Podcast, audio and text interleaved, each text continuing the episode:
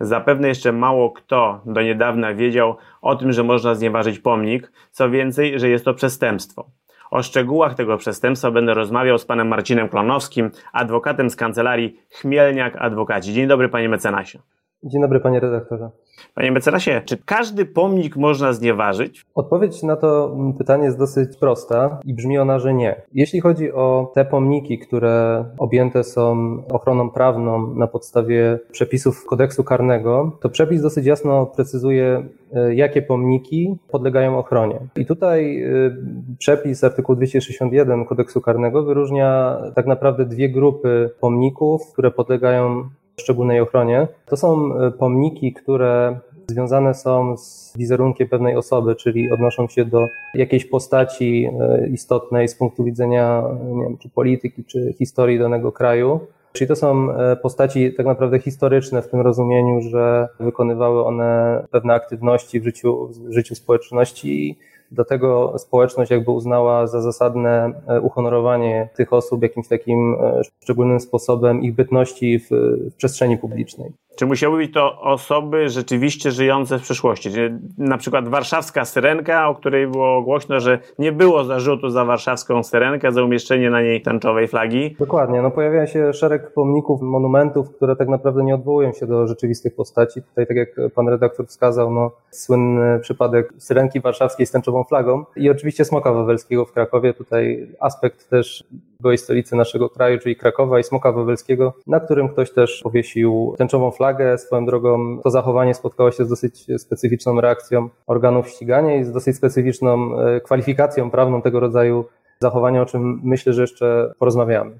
A jeżeli ja bym postawił pomnik w moim własnym ogródku mojego świętej pamięci dziadka i ktoś, no już nie, nieważne w jaki sposób, bo o sposobach znieważania to sobie za chwilkę porozmawiamy, ale właśnie dopuścił się czynu, który jest uznawany za znieważenie. Czy taki czyn byłby również penalizowany? Nie, i to również wynika wprost z treści e, przepisu karnego, ponieważ on precyzuje, że odpowiedzialności karnej podlega tylko ten. To oczywiście wynika z, z, ogólnego znaczenia, jakby brzmienia całego tego przepisu, natomiast no, ten pomnik musi znajdować się miejscu publicznym, czyli to musi być takie miejsce, które jest dostępne dla nieograniczonej liczby osób, dla liczby widzów, no to oczywiście jest związane bezpośrednio też z tym czynnikiem znieważenia tak naprawdę pomnika, czyli jeśli ktoś by znieważał pomnik w miejscu tak naprawdę prywatnym, no to nie miałoby to żadnego oddźwięku czy społecznego, czy, czy medialnego, dlatego no tutaj jakby penalizacja czerpie swoje uzasadnienie właśnie tym, że jest to znieważenie ma charakter publiczny, czy jest dokonane w miejscu publicznym, czyli teoretycznie jakieś osoby, które widzą te, tego rodzaju zachowanie, mogą poczuć moralne oburzenie, nie wiem, może zgorszenie, czy mogą poczuć się dotknięte po prostu tym, że ktoś dezawuuje cześć czy postaci, czy, czy umniejsza znaczenia pewnemu zdarzeniu historycznemu, które, które oni uważają za bardzo istotne dla, dla życia społeczności. No właśnie, przejdźmy może do samego znieważenia. Jakie czyny, jakie zachowania mogą być uznane za znieważenie? Nie wiem, jak ja podejdę do pomnika, już nie będę przytaczał dla bezpieczeństwa żadnego przykładu, ale podejdę i mu naubliżam, to będzie znieważenie? Tak naprawdę problem cały znieważenia pomnika polega na tym, że nasze intuicje dotyczące samego znieważenia, czy takiej czynności, które my uważamy za jak, jakąś potwarz, one są związane bezpośrednio najczęściej z relacjami między żywymi ludźmi, czyli w sytuacji relacji między żywymi ludźmi, no najczęściej zniewa, znieważenie kojarzy nam się z E, ubliżeniem, spoliczkowaniem, takiego rodzaju czynnościami, które w świetle powszechnie jakichś akceptowalnych wzorców zachowań no są odstępstwem od tych wzorców i wskazują one na to, że my tak naprawdę, jakby to powiedzieć, naruszamy godność takiej osoby, czy chcemy, chcemy ująć jej czci poprzez jakieś nasze zachowanie, czyli na przykład oplucie, spoliczkowanie, czy, czy zwyzywanie e, słowami uznanymi powszechnie za obelżywe. W przypadku pomników, e, no, sytuacja jest o tyle inna, że nie mamy tutaj tak naprawdę podmiotu, z którym moglibyśmy wejść w jakąś interakcję albo na które byśmy mogli wywierać nasze krzyki czy nasze zachowania, tylko mamy przedmiot. No i dlatego tutaj możliwość znieważenia pomnika no, ograniczona jest przedmiotem, na który oddziałujemy. Wydaje się, że Klasycznym przykładem jakiegoś nieważenia pomnika jest podjęcie pewnych czynności, które nam również kojarzą się z takim znieważeniem tak naprawdę osobowym. Jeśli chodzi o kazusy, które powiedzmy pojawiają się w polskiej przestrzeni medialnej e, od pewnego czasu. Tutaj na przykład, czy dobrym e, przykładem takiego rodzaju zachowania jest oblanie pomnika farbą albo na przykład zdekapitowanie jakiegoś pomnika, e, które oczywiście w rozumieniu takim ogólnoludzkim wiąże się z zadaniem komuś śmierci w sposób hańbiący. W przypadku pomnika jest właśnie taką, takim typowym zachowaniem, które ma za zadanie uważać czci tej tak naprawdę pamięci po tej osobie, dla której postawiono ten pomnik. Y, również można tutaj podać przykład, nie wiem, przewrócenia jakiegoś pomnika, oddania płynów ustrojowych pod ten pomnik, oczywiście z zamiarem tego, żeby tak naprawdę znieważyć ten pomnik. Tutaj też y, bardzo istotna jest ta kwestia związana z zamiarem. Natomiast to, czym na pewno nie jest znieważenie pomnika, to jest podjęcie takich czynności, które co prawda ingerują w jakiś sposób w przedmiot, na który oddziałujemy, natomiast zupełnie nie mają na celu jakby naruszenia czci tego postumentu i tutaj też pojawił się dosyć ciekawy przykład kilka lat temu, związany chyba z, to byli nie wiem, czy deskorolkarze, czy, czy użytkownicy hulajnu, którzy w jakiś tam sposób wykorzystywali e, pomnik poświęcone pamięci ofiar katastrofy smoleńskiej na różnego rodzaju chyba akrobacje, z tego co pamiętam. No i tutaj oczywiście ich działanie nie było w żaden sposób ukierunkowane na ten cel znieważający, tylko typowo rozrywkowy, po prostu wykorzystywali ten pomnik jako pewien przedmiot zdatny do aktywności fizycznej. No i oczywiście takie zachowanie nie może być w żaden sposób identyfikowane z działaniem zmierzającym w kierunku znieważenia pomniku. Czyli takie zachowania, nie wiem, to co mi przychodzi do głowy, no nie wiem, chyba w przypadku niektórych pomników pojawiały się szaliki klubów piłkarskich, zdarzało się opatulenie jakiegoś pomnika płaszczem. To rozumiem, że takie zachowania nie powinny być w Pana ocenie traktowane jako wskazujące na znieważenie pomnika. To znaczy, moim zdaniem sytuacja jest bardzo złożona, ponieważ cały jakby kontekst społeczno-kulturowy czy nasz y, krajowy dotyczący pomników, nasze moim zdaniem mocne takie uwarunkowania historyczne, jeśli chodzi o kwestie upamiętnienia pewnych wydarzeń. No nie oszukujmy się też, nasza trudna historia związana najpierw z okresem zaborów, y, później z odzyskiwaniem niepodległości, tak naprawdę usuwaniem pewnych postzaborczych jeszcze postumentów, stawianiem nowych, później w trakcie II wojny światowej znowu z usuwaniem polskich pomników przez władze okupacyjne, no a następnie znowu stawianie słynnych pomników przyjaźni polsko-radzieckiej, które były tak naprawdę w większości stawiane wbrew społeczeństwu, pokazuje, że w mojej ocenie polskie społeczeństwo jednak przywiązuje dużą wagę do ochrony pomników jako takich. Co ciekawe, ten przepis dotyczący ochrony pomników, on pojawił się dopiero w kodeksie karnym 1969 roku, go wcześniej nie było, czyli można powiedzieć, że to jest przepis, który jest trochę proweniencji, no jednak mimo wszystko ustroju komunistycznego. E, natomiast wydaje się, że w świetle tych zdarzeń, które ostatnio miały miejsce, przede wszystkim dotyczących no, zasadności stawiania pewnych pomników, dyskusji na temat tak naprawdę tych granic dopuszczalności i konsensusu społecznego tak naprawdę co do znaczenia pewnych osobistości czy pewnych wydarzeń w życiu społeczności, to tylko pokazuje moim zdaniem jedno, że polskie społeczeństwo i Polacy no, dużą wagę przywiązują do pomników i to też uzasadnia w moim, mojej ocenie no, jednak mimo wszystko bytność tego przepisu w polskim kodeksie karnym, ponieważ chroni on pewne istotne dobra prawne, które społeczeństwo uważa za, za ważne. No właśnie, ale panie mecenasie, no, co ma rozstrzygać o tym, że to jest znieważenie, tak? Że czyjeś uczucia, no bo mówił pan o tej relacji, że to nie jest tylko relacja sprawca-pomnik, ale to też jest relacja osób postronnych, dla których ten pomnik jest ważny w stosunku do tego pomnika. Więc y, co tu jest rozstrzygające? Czy subiektywne odczucia takich osób, które się poczuły w jakiś sposób znieważone, czy, czy następuje jakaś obiektywizacja tego? To znaczy, wydaje się i w przypadku prawa karnego najczęściej tak jest, że jednak mimo wszystko powinniśmy brać pod uwagę pewne obiektywne obiektywne nastroje. Tak jak pan redaktor wcześniej spytał o te kazusy dotyczące wywieszania szalików, przypadki wywieszania koszulek z napisem Konstytucja na pewnych pomnikach. Zawsze, no, no niestety w prawie karnym i w prawie ogólnie tak jest, że zazwyczaj wszystko rozbija się o konkretny przypadek. To znaczy każdy przypadek trzeba analizować odrębnie. Natomiast no, można zastanawiać się nad pewnymi wskazówkami, które tak naprawdę powiedzą, czy dane zachowanie jest zgodne z prawem, czy niezgodne z prawem. I w mojej najgłębszej ocenie jest szereg tego rodzaju zachowań, które można podejmować wobec pomników, o których od samego początku mówimy, czyli tych pomników dotyczących osób, niesmoków wawelskich e, i zdarzeń historycznych, które znajdują się w miejscu publicznym, które tak naprawdę można podejmować w sposób zgodny z prawem, w tym sensie, że nie są one penalizowane na podstawie artykułu 261.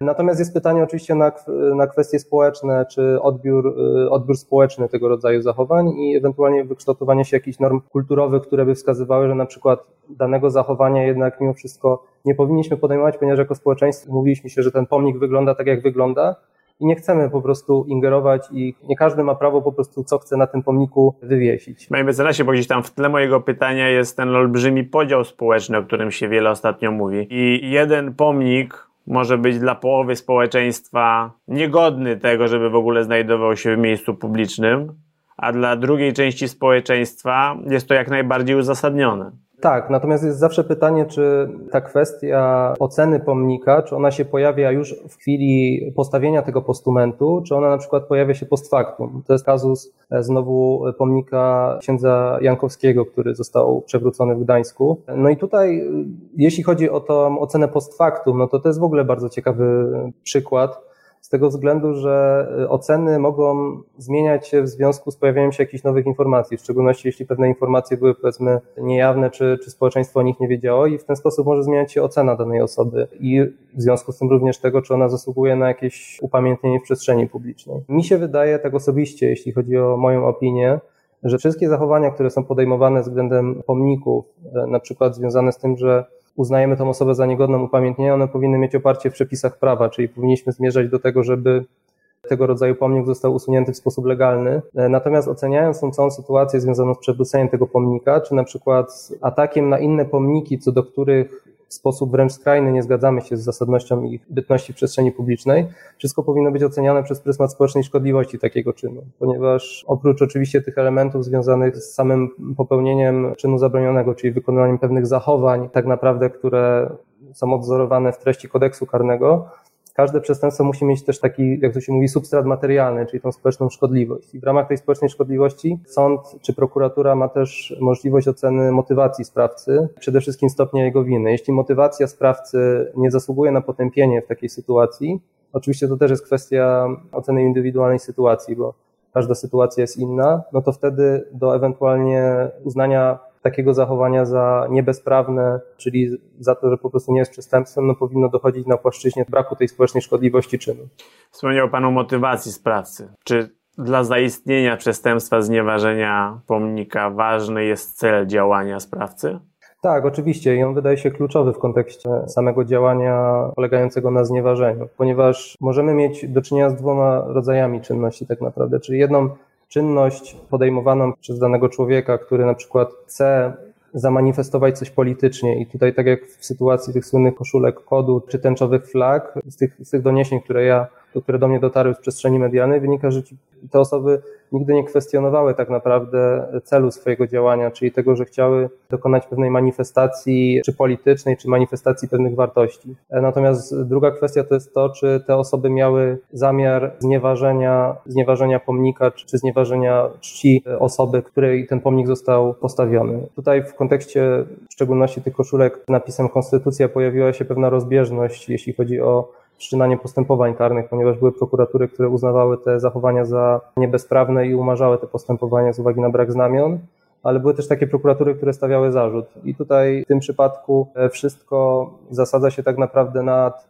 oceną takiego zachowania, które polega na zawieszeniu takiemu pomnikowi koszulki z napisem Konstytucja, bo patrząc na przykład na zawieszenie tych koszulek na pomnikach świętej pamięci prezydenta Lecha Kaczyńskiego, to może być to tak naprawdę interpretowane na dwa sposoby. Czy jeden sposób jest związany z tym, że wywieszenie koszulki z napisem Konstytucja tak naprawdę no nie tyle jest zniewagą, co wręcz pochlebstwem jakby i tak też tłumaczyli się częściowo e, osoby, które dokonywały tego rodzaju aktów, że pan prezydent Lech Kaczyński darzył wielką estymą konstytucję, polską ustawę zasadniczą, więc to tak naprawdę nie jest, nie ma na celu znieważenia jego osoby, tylko wręcz, wręcz przeciwnie, raczej pokazania, że tutaj on był taką osobą, która w przeciwieństwie do e, zdaniem e, wywieszających te koszulki obecnie rządzącej ekipy, ona akurat szanował konstytucję. Natomiast może być też rozumiana w drugi sposób, czyli konstytucja jako happening, czy forma aktywności jako sposób prezentacji, czy sposób aktywności pewnej grupy, czy pewnego stowarzyszenia, czy obywateli RP, czy, czy innych stowarzyszeń, które się tym zajmowały. No i wtedy można wtedy się zastanowić, czy to zachowanie nie atakuje czci po tej osobie poprzez, można kolokwialnie powiedzieć, zdobywanie pomnika tej osoby, zawieszaniem mu koszulki reprezentującej środowisko, z którym prawdopodobnie on by mógł się nie zgadzać. Panie mecenasie, ja spróbuję pana namówić, żeby, żeby pokusił się pan o ocenę prawną karną. Wiadomo, nie czynu konkretnych sprawców tutaj, ale samego powieszenia tęczowej flagi na pomniku. Czy w ogóle możemy tutaj mówić o uzasadnionym podejrzeniu popełnienia przestępstwa? Powodów, dla których wszczynane jest postępowanie karne.